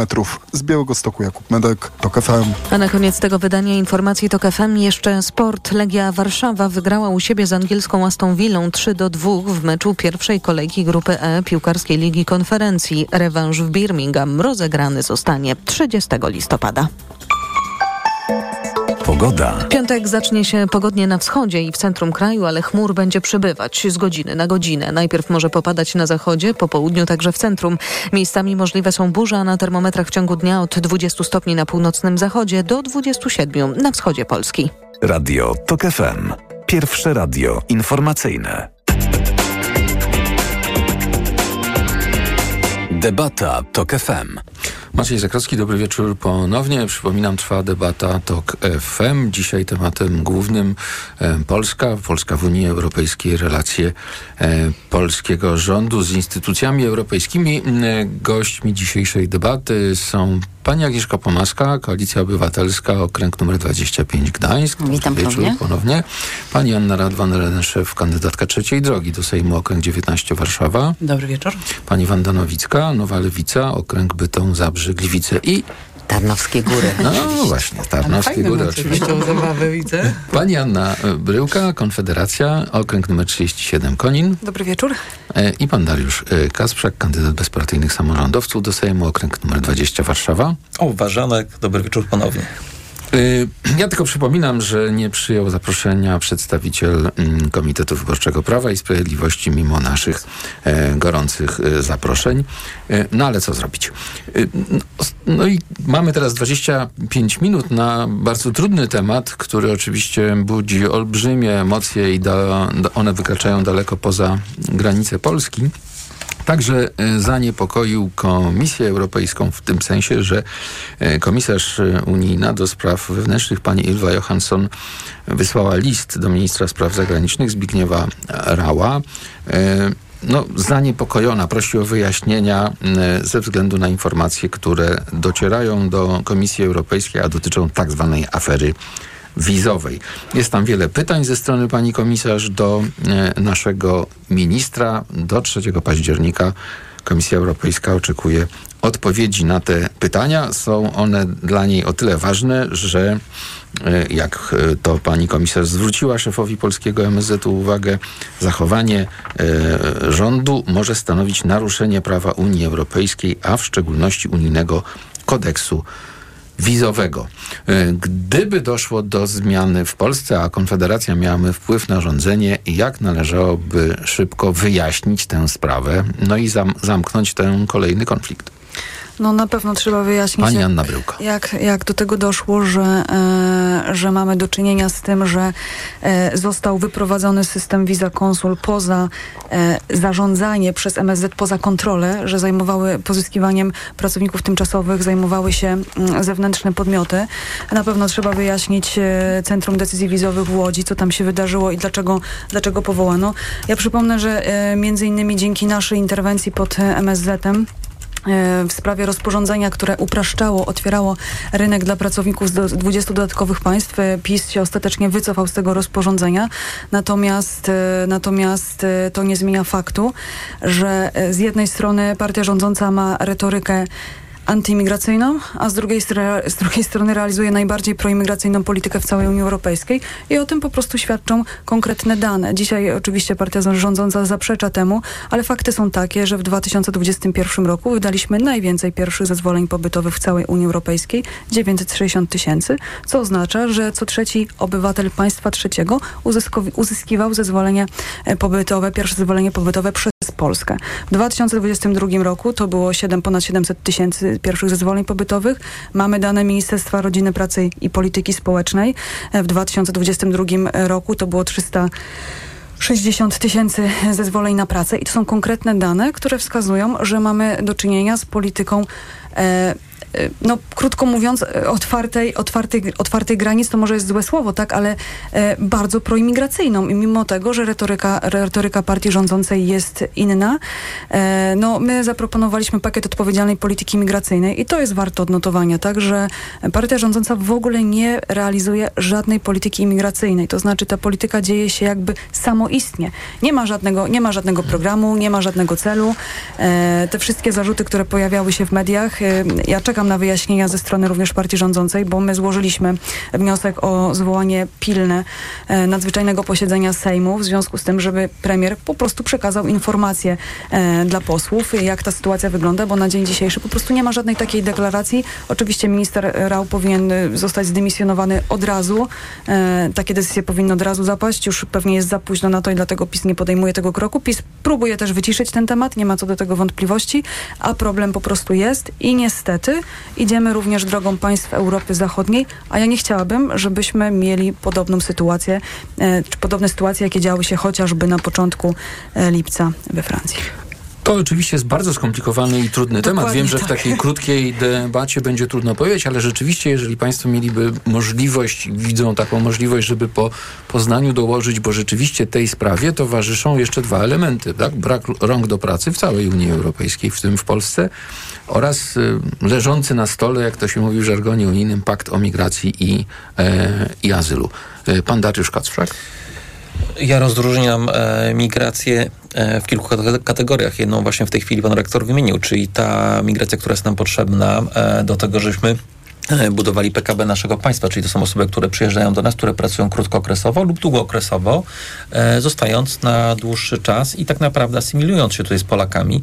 To oczywiście dotyczy przede Czyli wszystkim... samo wydawanie wiz pracowniczych nie jest, Nie jest, dla- nie jest problemem, z- złym dlatego- projektem. Chodzi o to, żeby to było Dokładnie, robione przecież doskonale sobie zdajemy sprawę, że dzięki temu e, nie doprowadziliśmy do kryzysu gospodarczego, bo w Polsce nie miał kto pracować na, w pewnych zawodach przynajmniej. Bo Polacy niektóre zawody już w tej chwili e, w niektórych zawodach nie pracują, nie chcą i dzięki temu, że właśnie sprowadzamy osoby z zewnątrz, czyli migranci tutaj są, dzięki temu no, mamy pe- pewne zapewnione funkcje dalej kontynuowane, jeśli chodzi o pracę. Natomiast czym innym jest oczywiście sprzedawanie wiz e, za pieniądze i jeszcze w dodatku e, zatrudnianie firm zewnętrznych do tego, żeby obsługiwały ten cały proces. Ja powiem, że to jest e, kuriozum pod tym kątem, że jest to się wyzbywanie się swojego władztwa przez państwa. To jest najgorszy element z możliwych, dlatego że tracimy kontrolę nad tym, kto do nas de facto przyjeżdża. W związku z powyższym tutaj... A nawet kolo- nie tylko do nas, lub dalej, wiemy, tak, tak, w Europę i w świat. szczególnie w związku te z wizy tak powyższym zwane podzielam tutaj tak? pogląd, że minister Rał powinien być zdymisjonowany natychmiast, bo jednak ten stan rzeczy akceptował. E, I pierwszym elementem, który zresztą chyba został zrobiony, bo wycofał się, Ministerstwo Spraw Zagranicznych wycofało się z tego, e, zatrudnienia firm zewnętrznych, ale to byłby pierwszy który bym zrobił natychmiastowo, w ogóle bym takiego nie wprowadził, tak żeby zlecić to na zewnątrz. I druga rzecz to jest bardzo wyraźne rozdziele, rozdzielenie służb dyplomatycznych od służb konsularnych. Są dwie różne rzeczy i w związku z tym, że zachować tutaj brak możliwości wpływu na wydawanie e, wiz, bo one muszą, trzeba spełnić pewne kryteria, tak, żeby dostać wizę. E, I myślę sobie, że to jest e, drugi punkt. A trzeci punkt, to pan, pan też wspomniał o tym. Trzeba po prostu spełniać wymogi kodeksu wydawania wiz e, do strefy Schengen. Ja na tu na marginesie powiem jedną rzecz, jeszcze odniosę się do tego, do pani Wandy e, Nowickiej, która powiedziała, że mogą nas wyrzucić ze strefy Schengen. To jest nieprawda. Można tylko w jednym przypadku wyrzucić kraj, wtedy, kiedy realnie nie jest w stanie bro, bronić swoich granic. To jest jedyna przesłanka, pani Wando. Ale wyrzucić, już oddaję pani Mhm. y, Wandzie Nowickiej głos, natomiast tu nie chodzi o wyrzucenie, chodzi tylko o to, że jak słyszymy, co zresztą może mieć miejsce, bo państwo ma taką możliwość zawiesić funkcjonowanie Właśnie. przepisów Schengen i No może się właśnie. tak zdarzyć, już o tym słyszymy, że na przykład duża liczba migrantów nielegalnie przedostających się na terytorium Niemiec może spowodować, że Niemcy będą chcieli zamknąć czasowo granicę na przykład e, e, z Polską i wtedy cały nasz transport i, e, i ciężarówki, których jak wiemy Polska ma mnóstwo, staną na granicy. Pani Wanda Nowicka, Nowa Tak. Dziękuję panie redaktorze, że pan wyjaśnił panu Kacprzakowi właśnie na czym polega problem i, i co się może, Bardzo jakie wiem. mogą, być, jakie, jakie mogą być konsekwencje właśnie tej całej afery. Ale najważniejsza sprawa to jest taka, oddzielenie z jednej strony e, sprawy, e, sprawy migracy, spraw migracyjnych, e, o których za chwilę powiem, od spraw o charakterze korupcyjnym. E, bo niestety mamy do czynienia z sytuacją, że pod parasolem Ministerstwa Spraw Zagranicznych e, e, powstały rozmaite, że tak powiem, em, możliwości do tego, żeby w, dla celów korupcyjnych zarabiać na, na, na tych wizach. No to jest po prostu przestępstwo, to jest oczywiście coś skandalicznego. W tej sprawie, bo to proste, co na pewno trzeba będzie zrobić po, po wygranych wyborach, mianowicie przede wszystkim Europejskim e, y, znowu, że tak powiem, zrewidować skład y, naszej dyplomacji, naszych, y, prawda, nie, nie właściwie we wszystkich ministerstwach. U, u nas jest problem taki, że w tej chwili przy rekrutacji nie są potrzebne właściwie prawie żadne kwalifikacje. E, tak obniżony został status, a już jeśli chodzi o MSZ, to w szczególności e, status urzędnika państwowego, który, który właśnie, e, który, kiedyś musiał znać, e, prawda, dwa języki, Mhm. prawda, inne wymagania wobec niego e, powinny być e, mm, e, o- m, e, wymagane, to, to, to, się skończyło i tam są po prostu przypadkowe osoby. Poza tym, że jeszcze PiS oczywiście tam jak rodzina na swoim, to oczywiście powtykał różne, różne osoby nieodpowiedzialne. Ale jeśli chodzi o kwestie migracyjne, brakuje nam i to musimy wreszcie zrobić o poli, politykę migracyjną z prawdziwego zdarzenia. Prawo i Sprawiedliwość boi się podjąć jakieś kroki, bo oni cały czas chcą udawać, że prawda, broń Boże, my tu nikogo nie wpuścimy, a jednocześnie, prawda, szeroką strugą um, umożliwili mm, napływ e, osób do pracy, ale my musimy wprowadzić taką politykę, pewne standardy, pewne nasze cele, w jaki sposób, kogo my chcemy, y, y, tak powiem, jakich pracowników chcemy e, priorytetowo traktować przy e, wizach e, o pracę.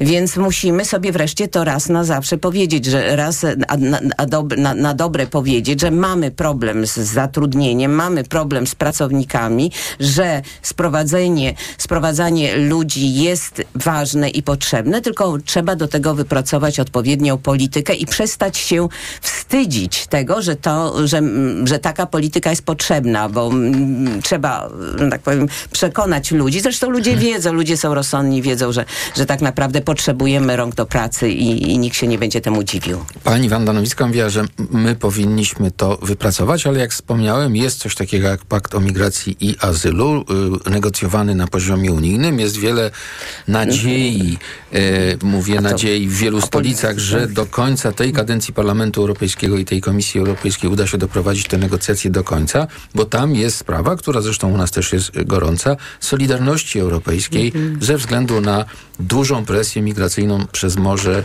e, Śródziemne do państw e, południa Europy.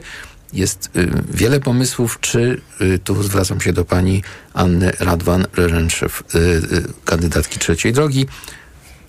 Co trzecia droga w tej sprawie, jeśli chodzi zarówno o kwestie wiz pracowniczych, wiz szengenowskich w ogóle, jak zamknąć ten temat, ale jednocześnie razem ze wszystkimi w Europie wypracować dobry pakt o migracji i azylu. Mhm.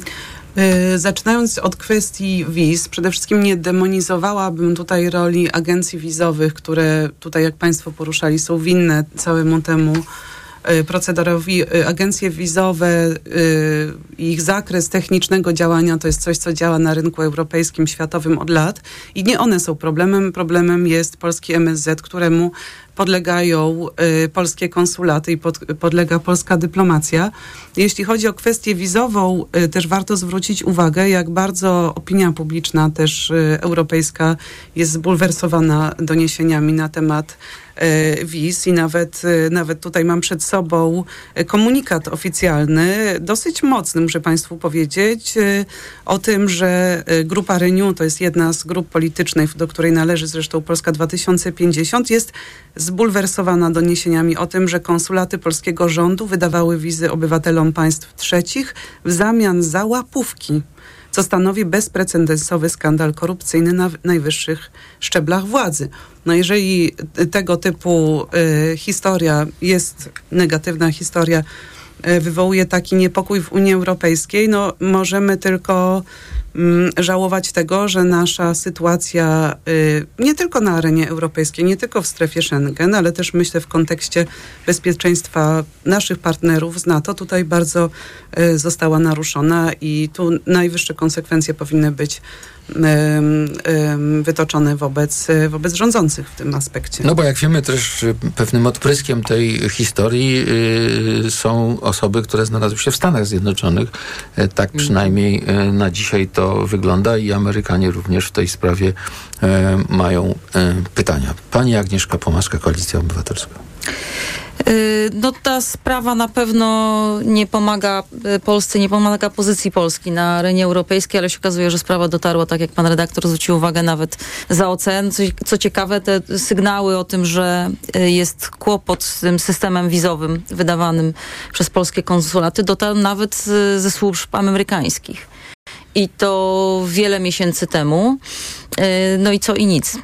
Y, Minister Wawrzyk, odpowiedzialny, z- czy współodpowiedzialny za tę sprawę, stracił, y, stracił funkcję dopiero w kampanii wyborczej, bo się okazało, że to zaraz może być problem polityczny dla, dla partii rządzącej. Ja tylko przypomnę, że no, po, przypomnę o tej hipokryzji PiSu. To znaczy z jednej strony wbudowali mur za blisko 2 miliardy złotych na granicy, dziurawy jak ser. Ktoś na tym zarobił, na budowie tego muru czy, czy płotu, a z drugiej strony y, y, zarabiali, y, biorąc łapówki na tym procederze przerzucania nielegalnych imigrantów do Europy do Meksyku, do Stanów Zjednoczonych. No, no to jest, ja myślę, że, że, że nasi partnerzy w Unii Europejskiej otwierali oczy ze zdziwienia, że, że to z wyjątkowa, strony wyjątkowa bezczelność. ma pomysł, jak tę sprawę zam- zakończyć, a jednocześnie No, y, włączyć bardzo się słuszny- w ten bardzo Europejski pan- Pakt o Migracji i Azylu. Tak, znaczy tu, tu kluczem jest słowo solidarność.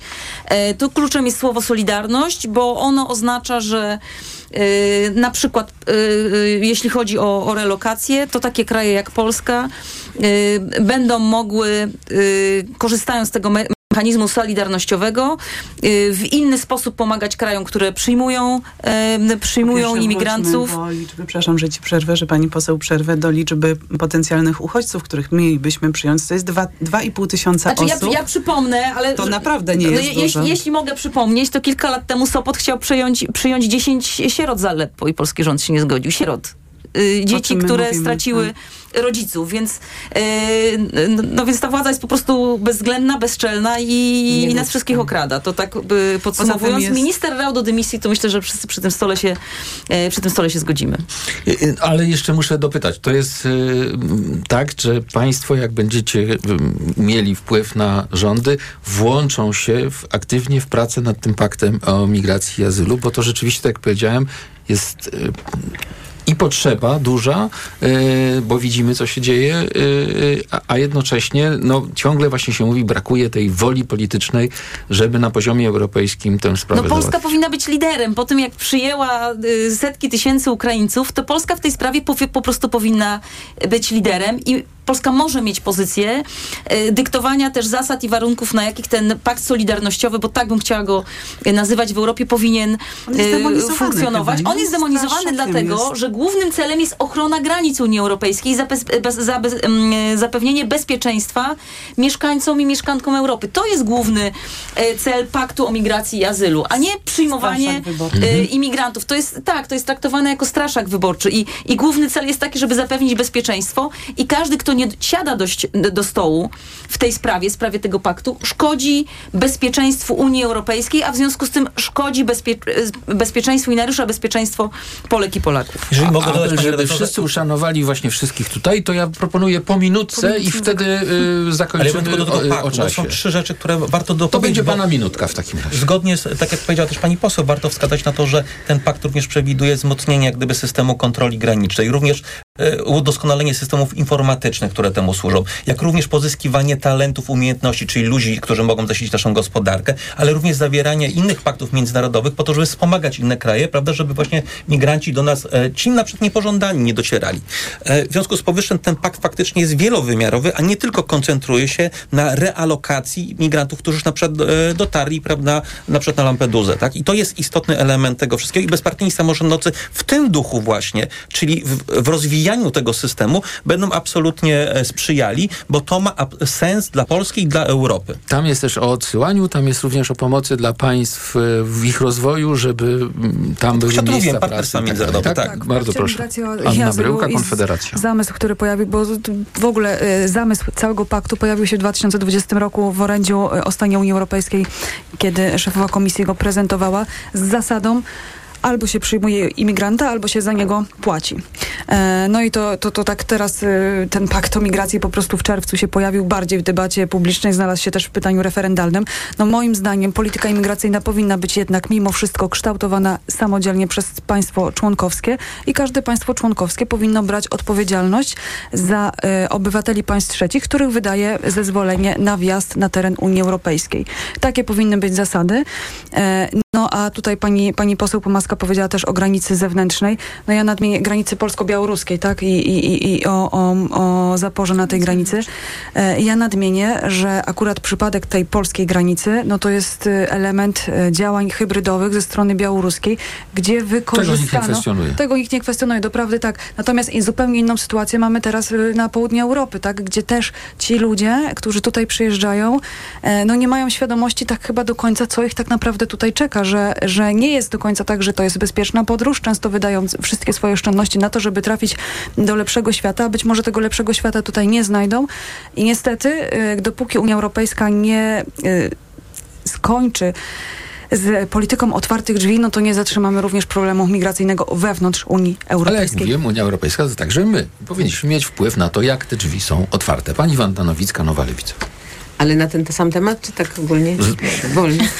E, Przyjmijmy, że teraz jest czas tak, znaczy dla ja powiem tak, ja powiem tak, że Lewica wprowadzała e, Polskę do Unii Europejskiej i my bardzo, bardzo zdecydowanie opowiadamy się oczywiście z, z wieloma innymi partnerami, prawda, politycznymi i dla nas e, Unia Europejska to jest nasz e, na, na, e, niezwykle wy- ważny, na, ważny byt, e, bez którego nie wyobrażamy sobie funkcjonowania Polski e, w obecnym świecie. I do, do, do niedawna wydawało się, że, że, to, że, że zagrożenie dla mm, y, przymusowego wyjścia, czy zagrożenie dla um, uczestnictwa Polski w Unii Europejskiej to jest czysta abstrakcja, że my już właściwie e, żadne na zagrożenie nam nie, y, już nie ma tego zagrożenia. Okazuje się, że one są i, i, i dlatego też e, będziemy zdecydowanie bronić y, y, y, naszego członkostwa w Unii Europejskiej. Będziemy dążyć do tego, żeby wzmacniać instrumenty e, polityki unijnej, tak żeby ona, ona mm, służyła zarówno Polkom i Polakom, jak również całej Unii Europejskiej. W tym polityki o migracji i azylu, jak W rozumiem. tym oczywiście polityki o migracji i azylu. Trzecia droga. E, Trzeba też pamiętać, jeżeli chodzi o ten, o ten projekt polityki migracyjnej i azylowej, że on też zakłada, że pewne państwa, które są pod presją migracyjną, które, czyli państwa, które zostały objęte czy, czy doświadczyły fali uchodźczej, też mają możliwość kwalifikować się pod, e, pod taką regułę zwalniającą ją z tych e, e, z konieczności przy, przyjmowania uchodźców, więc pamiętajmy, że to nie jest tak, jak, jak słyszymy często, że nam każą, że nas zmuszają. Nie, tam jest wiele, wiele miejsc i, i, w tym w, w, w pakcie, który które dają elastyczność, ale żeby z niej korzystać, trzeba siedzieć przy tym wspólnym stole i z tego, no właśnie tak jak powiedziałam, odpowiedzialnie wykorzystywać. A nawet możemy być beneficjentem w sensie jakiejś pomocy finansowej w sytuacji, kiedy jesteśmy pod tak zwaną dużą presją migracyjną, a na pewno jesteśmy.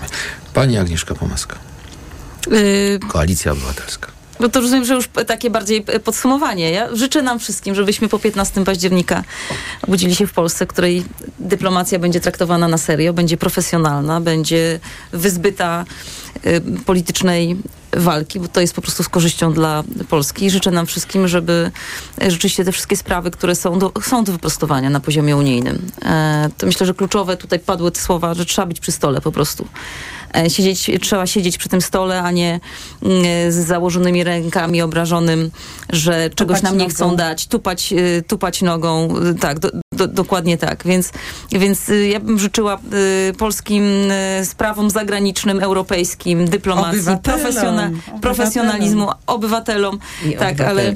I e, obywatelom. tak, ale bym życzyła po prostu tego, tego profesjonalizmu i tu naprawdę wiele nie trzeba, żeby było przyzwoicie, porządnie i tak jak trzeba. Mówiła pani Agnieszka Pomaska, kandydatka Koalicji Obywatelskiej do Sejmu, okręg 25 Gdańsk. Bardzo dziękuję za udział w debacie. E, Dziękuję serdecznie. Byli z nami również pani Anna Radwan, Rerenszew, kandydatka trzeciej drogi do Sejmu Okręg numer Dziękuję i 19 gratuluję umiejętności wymówienia mojego trudnego polskiego nazwiska. Bardzo długo ćwiczyłem przedtem, a, ale jak, y, bo uważam, że to jest też szacunek dla gościa. Y, Pani Wanda Nowicka, kandydatka Nowej Lewicy do Sejmu, okręg numer 29, Bytom, Zabrze, Gliwice. No i skoro już jest... Oczywiście Tarnowskie Góry. No właśnie. Ym, Pani Anna Bryłka, Konfederacja, y, kandydatka do Sejmu, okręg 37 Konin. Dziękuję bardzo. Dariusz Kasprzak, bezpartyjni samorządowcy, y, kandydat do Sejmu, okręg numer 20, Warszawa. Bardzo dziękuję za możliwość zaprezentowania stanowiska bezpartyjnych samorządowców. A ja też chciałem podziękować Małgorzacie Wołczyńskiej i Karolinie Kłaczyńskiej, które debatę wydawały. Realizował ją Krzysztof Malinowski, któremu również pięknie dziękuję. Państwu życzę dobrego wieczoru. Do usłyszenia jutro e, w audycji Maciej Zakrocki przedstawia zaraz po 23. Debata TOK FM. Radio TOK FM. Pierwsze radio informacyjne. Reklama.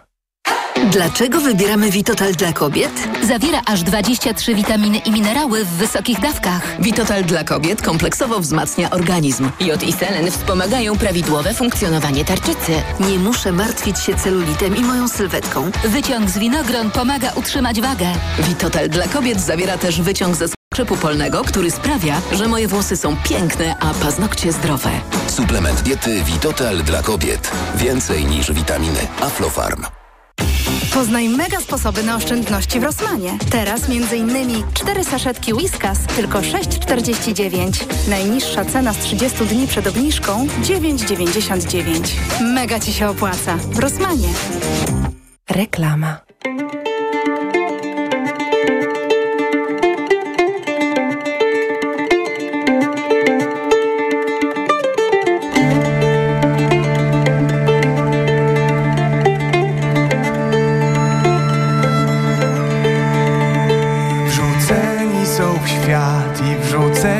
W siebie. O, wszyscy pod niebem.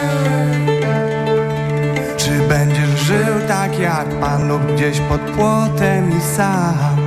O,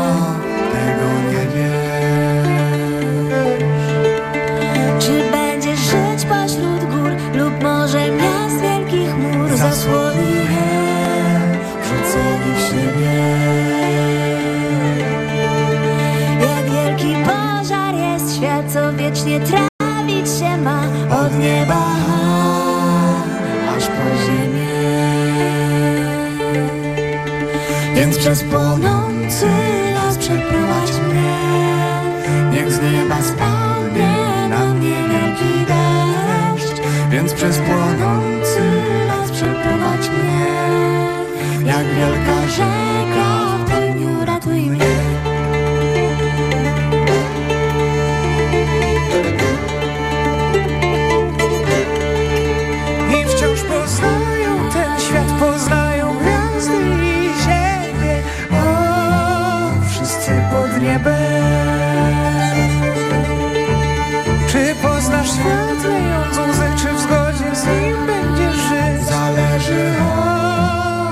o, tylko od ciebie. Czy będziesz stąpać pod nie lub z głową w chmurach we śnie? O, rzuceni w siebie. Choć wiecznie płonie ten świat, to w sercu wierzę, że ja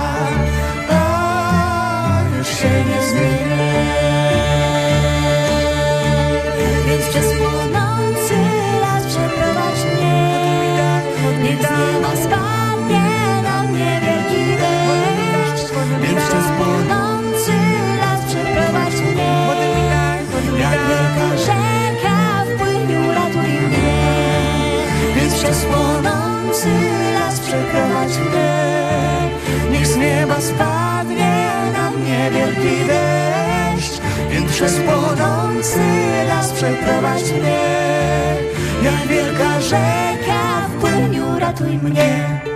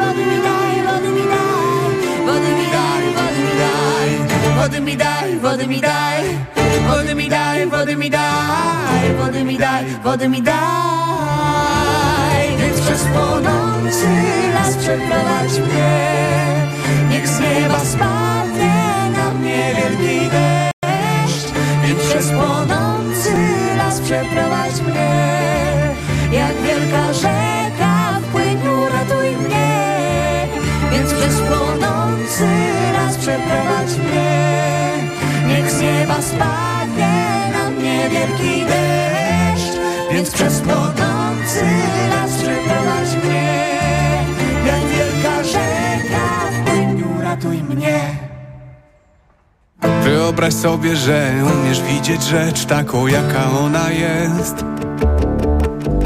Że da się zdjąć okulary skojarzeń, wymazać wspomnień obrazy. Patrząc na fotel już nie widzę go, widzę ciebie jak siedzisz i płaczesz. Patrząc na tęczę widzę podbite oko, widzę przepaść głęboką. Czy mógłby ktoś tak wyzerować świat? Żeby się nic nie stało słów co bolą, bez otwartych ran. Żebyśmy się poznali od nowa Czy mógłby ktoś tak wyzerować świat? Żeby się nic nie stało do wczoraj Bez słów co bolą, bez otwartych ran. Żebyśmy się poznali od nowa